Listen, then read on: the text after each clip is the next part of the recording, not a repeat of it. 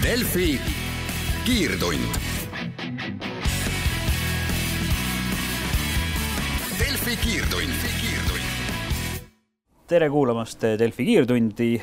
täna eh, saates Ann-Mari Nergi ja eh, Kadri Paas eh, Ärilehest ning mina, Ott Eiland Eesti Päevalehest. võtame kaks suuremat teemat ja alustame, mida võib võib-olla lühidalt öelda, EAS-i ämbrite kolisemise loo, mis siis taaskord kolisevad.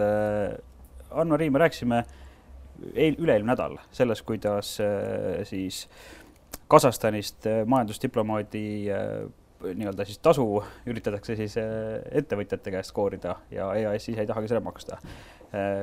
juba sama päeva lõpuks EAS oli siis nõus, et no poole rahast ikka äkki leiame. nüüd on siis sellel nädalal tulnud uudis sellest, kuidas ka Hiinast, Shanghai'st kutsutakse majandusesindaja tagasi.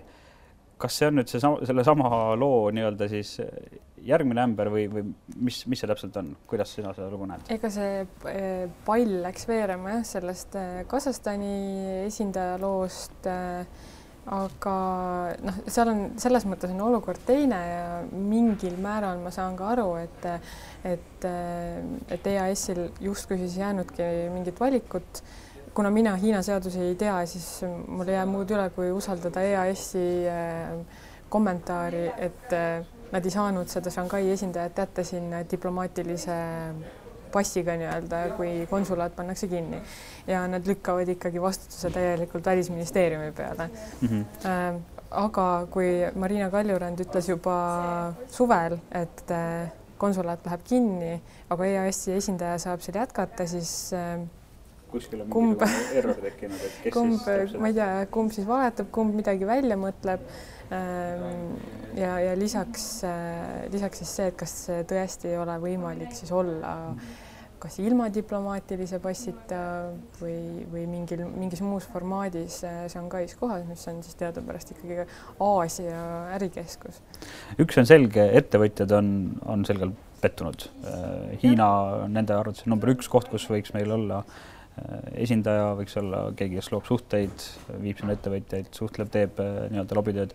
mitte siis ainult Hiina, vaid just, just jällegi see Shanghai ja, ja noh, et äh, arvataksegi, et kui nüüd Pekingi juurde tehakse see majandusdiplomaadi koht jälle, et, et esiteks, kes sinna saab, et kas tuleb mingi uus kuju, kes hakkab äh, õppima alles, kuidas, kuidas seal kultuuris üldse toimetada või, või kust leitakse selline Priit Martinsoni sugune inimene, et noh, see on talendi raiskamine, see on aja raiskamine, see on, see on, see on igatpidi väga kummaline kui EAS-il oli teada, et nad ei saa seda oma diplomaati seal hoida, siis äh, kuidas on see nii, et nüüd äkki on jälle taevas alla kukkunud ja, ja praegu ähm, tuleb neid otsuseid kiiresti-kiiresti teha ja ümber mängida. kas tõesti ei ole võimalik, et me oleksime liidaksime siis enda nii-öelda selle diplomaatilise esindaja majandus, majandusdiplomaadi näiteks ma ei tea, soomlaste või, või kellegi teisega, kes meil siin lähedal on sealsamas Shanghais või,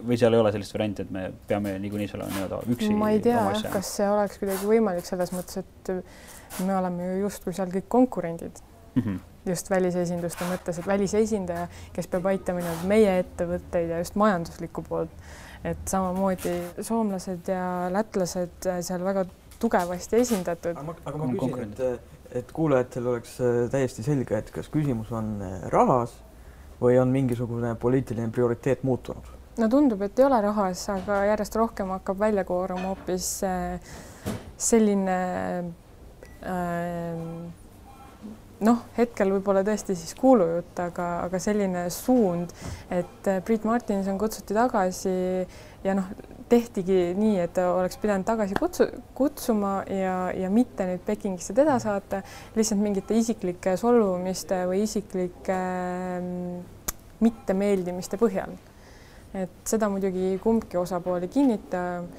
Hanno Tomberg seda muidugi ei kinnita EAS-i juhina ja Priit Martinson on võib-olla lihtsalt väga korrektne ja, ja viisakas oma suhtluses. okei okay, äh,, selge on see, et selles loos veel vist päris punkti pole pandud, et kas siin on, on veel nagu võimalus mingigi, et meil sinna äh, esindaja ikkagi jääb või, või on see juba nii-öelda lõpetatud lugu ja no Shanghai asi. esindust vaevalt, et siis äh, jääb mm, -hmm. Mhm. kui see konsulaat kinni pannakse, võib-olla Välisministeerium mõtleb äh, oma otsuse ümber, ega seda ei tea. mm -hmm. aga noh, see, see kõik on näide sellisest äh, ministeeriumite vahelisest äh, totaalsest nagu äh, noh, otsustamatusest ja sellisest omavahelisest suhtlemispuudusest, puudulikkusest, kuidas ei suudeta otsuseid teha vastavalt, vastavalt siis nende klientide ehk siis ettevõtete vajadustele ja nii edasi. järgmine kirglik teema, mis, mis, mis kannab jällegi EAS-i äh, nime pealkirjas, puudutab siis äh, meie eelmise presidendi Ärma talu. sada üheksakümmend tuhat, millest tuli maksta tagasi ainult üheksateist tuhat, kuigi, kuigi Ärma talu turismitaluna pole kunagi olnud ja, ja ei hakka ka kunagi olema. igasugune noh, ütleme nii, et kõik, kõik tavalised inimesed maalt ja metsast, linnast ja, ja mujalt tahaks karjuda, et mis toimub, ma tahaks ka sellist, ma tahaks ka olla seitsekümmend tuhat, et lihtsalt ehitada omale maja. ja nii, et ma ei pea selle eest kellelegi pärast veel aru ka andma. saa presidendiks ja too see siis põhjenduseks Kadri, sina ütlesid mulle kõiki enne... koheldakse võrdselt Kadri, sina ütlesid mulle enne saadet, et äh, ei peagi kõiki võrdselt kohtlema. ma tahaks karjuda, vastu vaielda. see on väga vägivaldne tõlgendus minu sõnadest nii. ma ütlesin, et, et see, et tubli riigiametnik, mis iganes tema ka nimi on, on täiesti inimlik, et ta ei, ta lihtsalt ei saa presidendile ära öelda Äh, miks, põhjenda, ma, ma selles mõttes ma tõesti ei mõista. noh, eriti kui president veel nii ilusti ju põhjendab, et ta ikkagi võttis külalisi seal vastu ja täitis kohust ja tutvustas Eestit kui turismisihtkohta. Saksamaa palju... presidendile, Kanada väliskaubandusministrile. kusjuures on ka fotolised tõendid sellest kõigi mm -hmm. meediaväljaannete fotopankades mm. -hmm. ja oluliselt suurem. Ärma talus on ju väga palju pilti tehtud mm. -hmm. oluliselt rohkem kui ükskõik millises muus EAS-i rahadest tehtud. samas ta on ju valitsuse liikmeid suvel äh, alati võõrustanud äh, olümpiavõitjaid, kõik Kristiina Smigunile ja Andrus Veerpalule on Eesti turismi sihtkohana tutvustatud. Mhm. no samas me nüüd lähme siin juba natuke nii-öelda irooniliseks ka, sellepärast et me saame aru, et see, see, see kõik ei ole see, mille jaoks see raha oli mõeldud toona juba üle kümne aasta tagasi mis sellest nagu, mis see nagu mõistlik otsus tegelikult oleks pidanud siin EAS-il olema, kas siin oli midagi üldse muuta nii-öelda praegusel nõukogul, sest et see otsus, millele siin ka Hanno Tomberg meie tänases lehes viitab, on ju see, et see tehti aastal kaks tuhat kaksteist ja seda enam nii-öelda ümber tegema ei hakatud, kas äh...? ja sellepärast, et linnuke on ju kirjas mm, -hmm. et äh, raha on ju tagasi küsitud, raha on tagasi makstud ainult nüüd on selle nagu küsimus protsendis, mida ei hakatud siis ümber tegema. Hanno Tombergi väite kohaselt ongi sellise toetuse puhul äh, ja kui osaliselt on täidetud äh, toetuse nõudeid ja osaliselt siis rikutud, et selle tagasiküsimisprotsent viis kuni kakskümmend viis protsenti, olenevalt siis selle rikkumise astmest, eks ole. nii et kümme protsenti on täiesti, täiesti. niisugune Harju keskmine. jah, viisakas. Ärma keskmine mm. -hmm. Siiski te ju saate ka mõlemad aru, et tahaks, tahaks jalgade koos omad trampida, ma tahan ka sada seitsekümmend tuhat, et ehitada oma maja. nii et ma olen küll siis äh, vahepeal kannan, kannan uhket äh, siis äh, aumärki, olen, olen riigi esindaja ja ka pärast seda teen sellega, mida tahan, et, et mis see, on siin üldse mingisugune mõistlik lahendus või, või on siin ajakirjandus nüüd natukene siis lii, liialt pöördesse läinud või millest see millest see furoor tekkinud on? noh, ega ei teagi jah, selles mõttes ma ei, ma ei tea, kas tänasel noh, see on jälle see üks näide sellest Eesti nagu mm, ütleme, mingite riigiasutuste ettevõtete probleemist, et mitte keegi ei vastuta, sellepärast et see otsus, noh, mis mind ennast kummastab veelgi rohkem, on see, et seda hoiti neli aastat kinni. lihtsalt ühte otsust hoitakse neli aastat kinni no sellel oli ka põhjus, president oli ametis, ta ei saanud. mis põhja, põhjus see on, on ju, noh, noh. no seda no, tõesti ju ei juhtu kõigiga, eks ole, et. aga et, et keegi ei vastutagi, sellepärast et EAS-i juhtkond on vahetunud mingi kolm korda selle, selle aja jooksul või neli isegi. nõukogu võib-olla sama palju, ministreid sama palju ja kõik, kes täna on pukis, ütlevadki, et meil ei ole mitte mingit seotust asjaga, meie ei tea, see on nelja aasta tagune otsus ja nii on no aga läheks kaugemale või, või avardaks seda pilti, et EAS on niisugune organisatsioon, kus kus nõukogu liikmete ettevõtted on saanud toetust ja ja siis on keegi mustkunstnik saanud toetust ja ja noh, nõuti sealt mustkunstnikul küll raha välja, aga ausalt öeldes selles valguses on mustkunstnikust kahju juba, sellepärast et ja, tema miks tema rauaga. maksma? Täpselt, kuigi tõenäoliselt sealt ei tule sentigi tagasi, aga noh mm -hmm., see selle. ei, tema on minu meelest, kas, kas ta mitte ei ole öelnud, et ta on, äh, maksab tagasi või, või on alustanud vähemalt sellega jah jah. et selles mõttes ideaalmaailmas loomulikult on kõik võrdsed, aga nagu päris, päris elu on midagi muud. Eestis. Eh, Kadri, kas sa oled eh, nõus ajakirjaniku eda, edasi töötama teadmisega, et nii oli, nii on ja seda muuta ei saa ja sellele ei ole mõtet ka rohkem tähelepanu pöörata? See, ütleme niimoodi, et ma arvan, et sõltumata sellest, kui palju Eesti ajakirjanikud sellel teemal kirjutavad jätkub kõik samamoodi.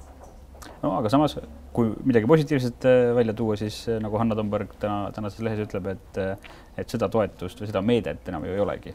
Nii et no ma vaatasin, nagu ma vaatasin nimekirja sellest meetmest raha saanud ettevõtetest ja niimoodi neid ei olnud väga palju, võib-olla neid oli seal kakskümmend tükki umbes.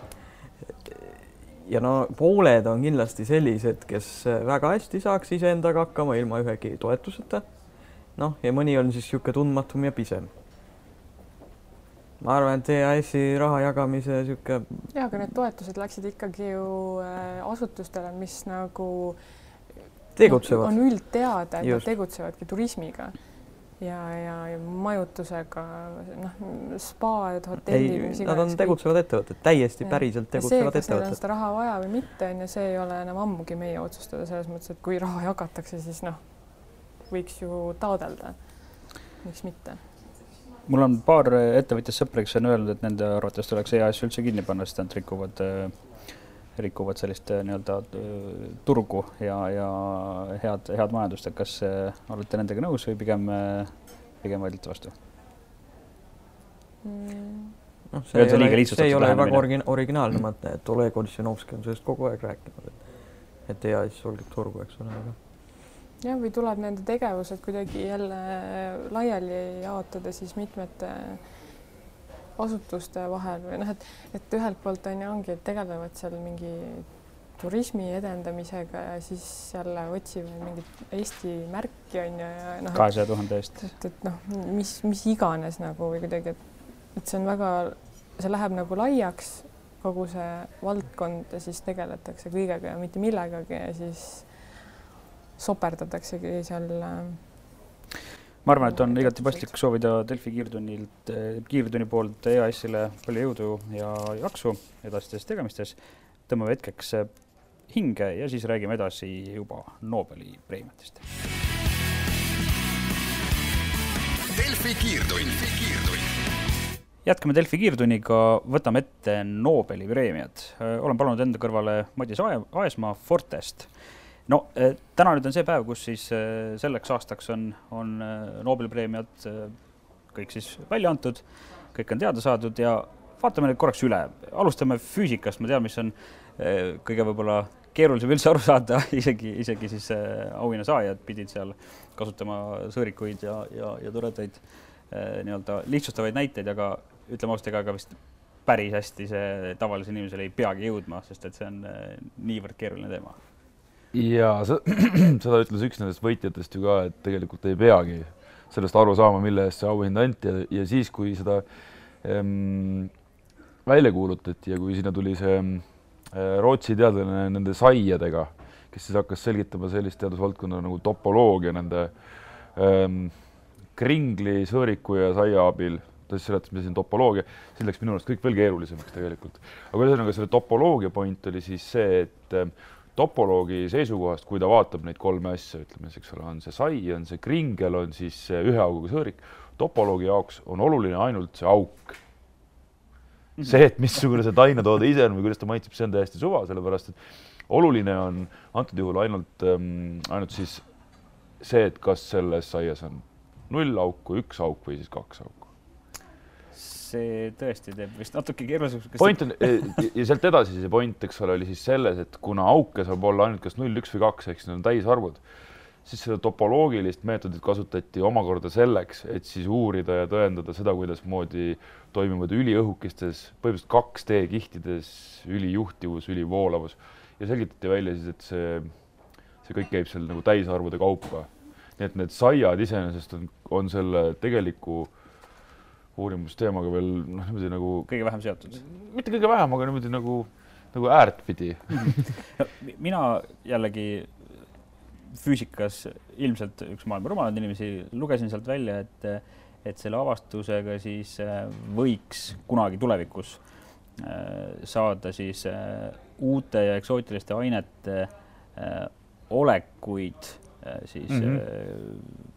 Kas siis ma saan aru, nagu kirjeldada või nendest aru saada, mis, mis võiksid leida siis ole, olulist rakendust materjaliteaduses ja elektroonikas. no need ongi just kas... needsamad need mm -hmm need, need kolm teadlast, kes selle auhinna said, nad tegid väga palju töid just nimelt selliste üliõhukeste kiledega, eks ole, uurisid seda, kuidasmoodi need üliõhukesed kiled, need üliõhukesed materjalid, milline on nendes siis ähm, äh, juhtivus. Pikka aega arvati, et seal ülijuhtivus tekkida ei saa, ülijuhtivus on siis see, kui mitte mingisugust takistust ei ole, eks ole, energial materjalis e,. Nemad, nemad siis leidsid, et ka seal on ülijuhtivus võimalik ja seda saab siis kasutada näiteks selleks, et äh, tõesti, ma ei tea, toota kunagi tulevikus kvantarvuteid. aga nagu mina aru saan, siis see füüsikapreemia anti ikkagi põhimõtteliselt sellise suhteliselt teoreetilise füüsika eest. tegemist on ju, siin on ka vahepeal nimetatud seda nagu sellist teadmatut valdkonda või tundmatut valdkonda, et sellesse nagu alles, alles nagu tehti selline esimene tõsisem, tõsisem äh, siis läbimurre. Äh, seega ma saan aru, et selles valdkonnas endas või üleüldse kogu selles, kuidas see tore nimi nüüd oli sellel topo topoloogial. topoloogial jah, et sellel vist on siis veel alles äh, nii-öelda tulevik on alles ees, et see ei ole nii-öelda läbi, läbi ekseldatud teema, vaid see on selline, millest saab no, siis. jah, topoloogia oli tegelikult jah, selle asja puhul lihtsalt selline nagu lähenemisnurk või selline meetod mm, -hmm. aga just see, et nad nende kilede juhtivuse uurimises siis topoloogilist meetodit kasutasid, see oli see, mis pani teoreetilised füüsikud äh, noh, õnnest särama, mille eest otsustati siis preemia anda. Lähme kolme, kolme siis Briti teadlase juurest äh, keemikute juurde, kus on, kus on ka üks britt ja lisaks siis äh, prantslane. šotlane jah, hollandlane ja prantslane. just, nemad siis äh, said, said preemia maailma väiksemate masinate, molekulaarmasinate väljatöötamise eest. jällegi äh, molekulaarmasin äh,. see tähendab põhimõtteliselt seda, et, et nad tegelesid selliste molekulidega, mida on võimalik kontrollida ja juhtida mm. -hmm. et noh, tavaliselt no, molekul on midagi sellist, eks ole, millele sa ise näppe taha ajada ei saa. aga nemad said sellega hakkama ja seal oli ähm, noh, siis esimene näide neist, esimene asi, millega hakkama saadi, oli siis see, et üks teadlane võttis, üks neist kolmest, ma ei mäleta, kes täpselt, võttis kaks ringikujulist molekuli ja ehitas neist sellise väikese keti. see oli nagu selline nagu esimene, esimene samm selles valdkonnas ja hiljem, eks ole, äh, järgnesid sellele siis ähm, noh, sellised juba natukene suuremad asjad, näiteks nagu molekulidest ehitatud lift, mis tõstab ennast ise üles ja nii edasi mm, -hmm. aga, aga sellel on nüüd natukene sellised lihtsamad ja võib-olla ka praktilisemad, isegi arusaadavamad väljundid. ma rääkisin ise mm, Tehnikaülikoolist, Tallinna Tehnikaülikoolist anorgaanilise keemia dotsendi Toomas Tammega, kes ütles, et noh, jällegi seda nagu, mis juhtuma hakkab või mida me tänu sellele avastusele saame tulevikus, seda on raske ennustada, et see on, see on sama tänavat, tänamatu, kui oleks näiteks raadiolainete avastamise ajal äh, keegi üritanud ennustada noh, mobiiltelefoni või midagi sellist, aga mm -hmm. aga no näiteks on nende juhitavate molekulidega võimalik siis teha seda, et kui sul on vaja inimese organismis mingisugust ravimit liigutada mingisse väga spetsiifilisse kohta, siis kui sul on molekulaarmasin ehk siis juhitav molekul või juhitavatest molekulidest koosnev mingisugune kuidas me seda iganes nimetame, siis, on seda võimalik näiteks jah, tõesti raviks kasutada või siis, või siis näiteks teha, ütleme, noh, molekulaarlihastest on räägitud ja sellistest asjadest ka kõige tõenäolisemalt siiski asjad, mida ma ei oska ette kujutada. Võtame järgmise teema, see anti siis meditsiinis äh, Yoshi, Yoshinori Ohsumile ja tema ta vaatas põhimõtteliselt pärmirakke mikroskoobiga üheksakümnendatel väga kaua. Nii, ja nüüd see autofaagia. Mm, -hmm. see tähtis sõna seal, ma saan aru, mis tähendab rakkude põhimõtteliselt niisugust iseõgimist. Mm, -hmm kuidas iganes selle nüüd jällegi mõistame. see on, see autofaagia tähendab seda, et kui näiteks rakus on mingisugused ähm,, mingid selle raku osad on nagu nii-öelda pahaks läinud mm, -hmm. siis ta äh, kas siis heidab need välja või siis, või siis taaskäitleb neid, näiteks ütleme, kui raku sees on mingisugune valk, mis mingisugusel põhjusel ei ole enam nii väärtuslik või hea või mida iganes, siis ähm, see rakk lammutab selle valgu, võtab sealt võib-olla selle osa, millest ta saab uusi valke teha, näiteks aminohappedes, ülejäänu heidab kõrvale ja see mm, Jaapani teadlane siis uuris seda, kuidasmoodi see mehhanism toimib, sai sellest paremini aru. taaskord see on üks selline asi, mida on võimalik ilmselt siis, eks ole, noh, kujutame ette ju, et üsna otseselt inimeste ravimises kasutada, sellepärast et kui sa kui sa mõistad ühe raku sellist nagu recycling protsessi, oled seda võimeline võib-olla keemiliselt kiirendama, siis see tähendab seda, et näiteks ravi võib ju käia kiiremini mm. -hmm. nii et see, see on nagu võib-olla kõige käegakatsutavam nendest või arusaadavam vähemalt senisest kolmest, mis, mida me oleme kirjeldanud, et millel on tõesti ka võib-olla nii-öelda ütleme lihtsamale inimesele, laiemale, laiemale publikule. võib-olla jaa, aga noh, vot mul on ka see asi, et ega ma lõppude lõpuks ju ka ikkagi, kui ma olen haige, siis ma söön lihtsalt tabletti ja ma ei tea, kas seal taga on mingisugune Nobeli preemia või mitte. jah rahupreemia, ütle, ütle, Madis, kui rumal ma olen, et ma ei teadnud, et Kolumbias on, on olnud üle viiekümne aasta kodusõda? ma ei tea ma ütlen, ma ütlen siiralt. see on küsimus välisuudiste toimetajale ma ütlen, ma ütlen siiralt. ma ei tea, samas muidugi, kui sa, kui sa narkost vaatasid, siis noh seal relvadega vehkida armastatakse tõesti. aga see on ju, see on ju noh, Lõuna-Ameerika puhul, kas see ei ole siis tavaline, seal on, on seda narko, narkokuritegevust äh, Riio, Riio olümpialt siin näiteks ju, kui palju, kui palju tuli neid uudiseid, kuidas seal äh, kuritegevus äh, lokkab ja see on tavapärane, et siin Euroopas no, lehmad sellest ära. see on jälle nagu see ilmselt ka, et mida selle kodusõja all nagu täpselt mõista, sest et Kolumbia on tegelikult ikkagi väga-väga suur riik. Lõuna-Ameerikas, kui ma õigesti mäletan, siis peaks olema tegemist ka sellise maaga, mis on vist kõige mm, multikultuursem isegi. no seal on ikkagi no väga palju erinevaid selliseid äh, täiesti erineva profiili iseloomuga piirkondi, rahvaid, nii et ma ei tea, võib-olla seal tõesti viiskümmend aastat kaks tükki neist kusagil Andides näiteks lõid mingisugust lahingut ja jutt käib nagu sellest. sest et äh, ma natukene nagu, ma nagu ei mäleta küll, et meil oleks iga päev tulnud pilte sellest, kuidas kusagil Galis või Bogotas või ma ei tea, Medellinis mingisugune igapäevane sõda käis mm. -hmm. ma olen võib-olla ka lihtsalt ise rumal. ja jäi vist ütlemata ka, et siis äh, preemia sai äh, Kolumbia president Juan Manuel Santos ja, ja tema siis jõupingutuste eest lõpetada riigis üle viiekümne aasta kestnud kodusõda, mis äh, on siis põhjustanud üle kahesaja kahekümne tuhande inimese surma ja. mis aastatel see kodusõda siis? kuus miljonit äh, sisepõgenikku. hea küsimus. jällegi mina hästi rumal selles mõttes, et, et, äh, et noh, Nobeli preemiaid antakse ju asjade eest, mida sa võid olla teinud kunagi väga-väga ammu. oluline mm. on ainult see, et sa ei oleks surnud sa pead olema elus, aga need asjad, mille eest sulle see preemia antakse, nendega sa võid olla maha saanud jumal teab millal, et samad füüsikud toimetasid nende kiledega seitsmekümnendatel tegelikult mm -hmm. ja mhm. need keemikud tegid ka kaheksakümnendatel. või noh, see keemik tegi selle imeväikse keti, nii et võib-olla on asi lihtsalt selles, et see kodusõda toimus ja lõpetati tema poolt ära millalgi enne meie sündi juba võib-olla tõesti peab uurima. Eh, nii, aga viimased kaks eh, majanduspreemia, kokkulepete teooria või lepingute teooria. ma isegi ei tea, kes selle võitis siin on sellised nimed nagu kursis. Oliver Hart ja, ja Bengt Holmström. jällegi eh, mul, mul on hea meel, et ma nüüd ei ole üksi rumal, sest et eh, mina oleks ka küsinud, et lepingute teooria. hea on arutada asju, millest midagi absoluutselt aga, aga rõõm, et neid selliseid preemiaid antakse. Bob Dylan, täna antud siis kirjanduspreemia siin peeti küll favoriidiks mm, jaapanlast Haruki Murakamit. jaa, lausa Kas... vaatasin, vaatasin enne eelmisel nädalal, kui no seal oli kaks eestlast ka, eks ole Doris Kareva ja Jaan Kaplinski olid ka üles antud mm -hmm. seekord, Jaan Kaplinski vist juba teab mitmendat korda. ja siis äh, seesamune Ladbrokes oli teinud ka selle ennustustabeli, noh, et kui sul võimalus kellelgi võita on. ja Doris Kareval oli parem šanss nende arust kui Bob Dylanil. Doris Kareva võimalus oli vist kas üks kolmekümne kolmele, nad hindasid seda nii, Bob Dylan ja Kaplinski olid samas kategoorias üks viiekümnele. Murakami oli üks neljale nii et need ennustused ei maksnud midagi? absoluutselt mitte midagi ja no Bob Dylani puhul on muidugi äh, kõige huvitavam see, et äh, kirjandus. ta ei ole kirjanik. ta on kirjutanud no, laulusõnu. ta on, eks ole, tohutu folgi, roki ikoon, võib nimetada ka poeediks teda tema selliste noh, väga tähendusrikaste laulusõnade pärast, aga ta ei ole ju klassikalises mõttes ikkagi kirjanik, kuigi jah, tal nüüd on äh, kas vist juba ilmunud või ilmumas mm, äh, autobiograafia sari Chronicles, kus ta siis räägib New Yorgi elust ja nii edasi ja enda noorusest, aga aga noh, ta ei ole ütleme, mingisugune argleja, kes nagu istub päevad läbi laua taga ja, ja kirjutab, ma ei tea, kas muidugi argla seda teeb nii, sellega tõmbasime siis äh, see oli väga, see oli väga suur üllatus. see, see oli suur üllatus. selline võib-olla isegi kõige suurem üllatus, kuigi tegelikult üks asi oli veel, kui tulla selle füüsikapreemia juurde tagasi, siis tegelikult kui veebruaris teatati sellest, et avastati need gravitatsioonilained mm, -hmm. siis praktiliselt kõik olid kindlad, et see on nagu nüüd Nobeli füüsikapreemia võit.